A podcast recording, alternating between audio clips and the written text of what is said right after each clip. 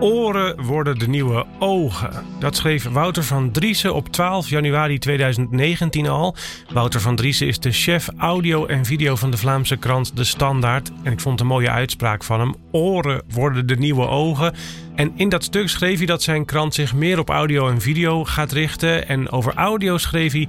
Als we niet kunnen lezen of kijken, omdat we in de file staan of aan het fietsen of hardlopen zijn, dan kunnen we luisteren. Kennisbank aflevering 3. Wat is de kracht van podcasting? Ik ben Hajo Magree. Dit is Tussen de Oren, de podcast over podcasting van NAP1. Wij maken audiocontent. Ik ben mijn carrière ooit begonnen bij Business News Radio. En toen bestond het nog helemaal niet. Maar tegenwoordig maakt BNR heel veel podcasts. En dat deden ze ook een tijdje onder hun vorige hoofdredacteur, George Freulich. En die zei over de kracht van podcasts. Met je koptelefoon op of je oortjes in zit het letterlijk tussen je oren. Het kan, als het goed gemaakt is, echt heel dichtbij komen. Letterlijk dus.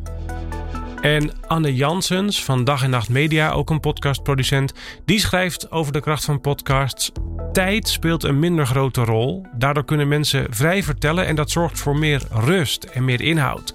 Je moet je erop focussen. Podcasts zijn geen auditief behang, zegt hij. Daardoor luister je ook aandachtiger.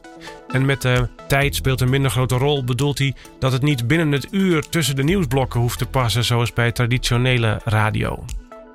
Nou, in die kracht van podcasting, daar zitten natuurlijk redenen om ook voor jezelf een podcast te beginnen. De voordelen zijn, je bouwt een band op met een geïnteresseerde niche doelgroep. Je kan echt een beetje een vriend van de luisteraar worden, omdat jij heel veel weet van iets waar zij veel over willen horen. Een voordeel is ook dat je zelf 100% controle hebt over wat je vertelt. Als je uh, een journalistenwoord staat, tv-interview geeft of een radio-interview, dan moet je altijd maar kijken wat die journalist ervan maakt. Het voordeel van het maken van je eigen podcast is dat mensen dus heel geconcentreerd luisteren, anders dan radioreclame bijvoorbeeld. En um, ze hebben al voor je gekozen. Ze hebben actief uh, jouw podcast in hun app opgezocht, een aflevering uitgezocht en op play geklikt. Dus daarmee heb je al heel veel gewonnen. Je hebt hun oprechte aandacht.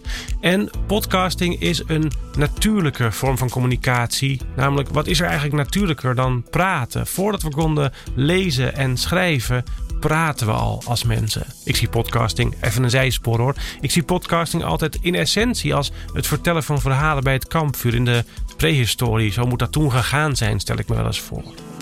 Maar voordat je nou je eigen podcast morgen meteen begint, je moet wel echt toegevoegde waarde bieden. Je moet wel echt iets te melden hebben wat er niet al is of niet een ander al beter doet. En een podcast is geen lang uitgesponnen reclame natuurlijk. IKEA heeft er wel eens een grapje over gemaakt. Hè? Die heeft een keer letterlijk een podcast gemaakt van de catalogus. Waarin je iemand uh, de bladzijde van de catalogus hoort omslaan. En die zegt dan pagina 21, een bed. En het bed ziet er zo en zo uit. Nou, dat, dat is een grapje natuurlijk. Maar het heeft geen zin om podcasts te maken waarin je alleen maar vertelt over de producten die je maakt. En alleen maar lange lijsten met specificaties gaat oplezen. Je moet namelijk een verhaal vertellen. Boeiend vertellen, zodat mensen blijven luisteren. En wat ik ook nog wel eens zie, is dat mensen dan één aflevering willen maken. Dat is, dat is een hele uh, moeilijke strategie eigenlijk. Want als je één aflevering maakt en die op één podcastkanaal publiceert, dan moet je voor die ene aflevering je publiek gaan zoeken. Terwijl mensen, dat zie je ook bijvoorbeeld aan Netflix of aan YouTube, mensen willen een kanaal waar ze meer van hetzelfde kunnen krijgen. En dan groeit je publiek ook, omdat ze dan bij je terug kunnen komen. En wat een belangrijke uh, ding is om te onthouden voordat je je eigen podcast gaat beginnen. Je moet wel je publiek in eerste instantie zelf zoeken. Het is net zo'n beetje als uh, met je website, denk ik. Een website neerzetten betekent nog niet dat er meteen mensen komen kijken. Je moet wel vertellen dat je bestaat. En hoe je dat doet, hoe je je podcast het beste kunt promoten. Daarover komt in de toekomst vast wel een keer een aflevering van deze serie. Maar het publiek komt in ieder geval niet zomaar vanzelf naar je toe. Dat was het. Je kunt de informatie uit deze aflevering ook terugvinden in de podcast Kennisbank op onze website. Dit was Tussen de Oren van NAP1. Wij maken audiocontent. NAP1.nl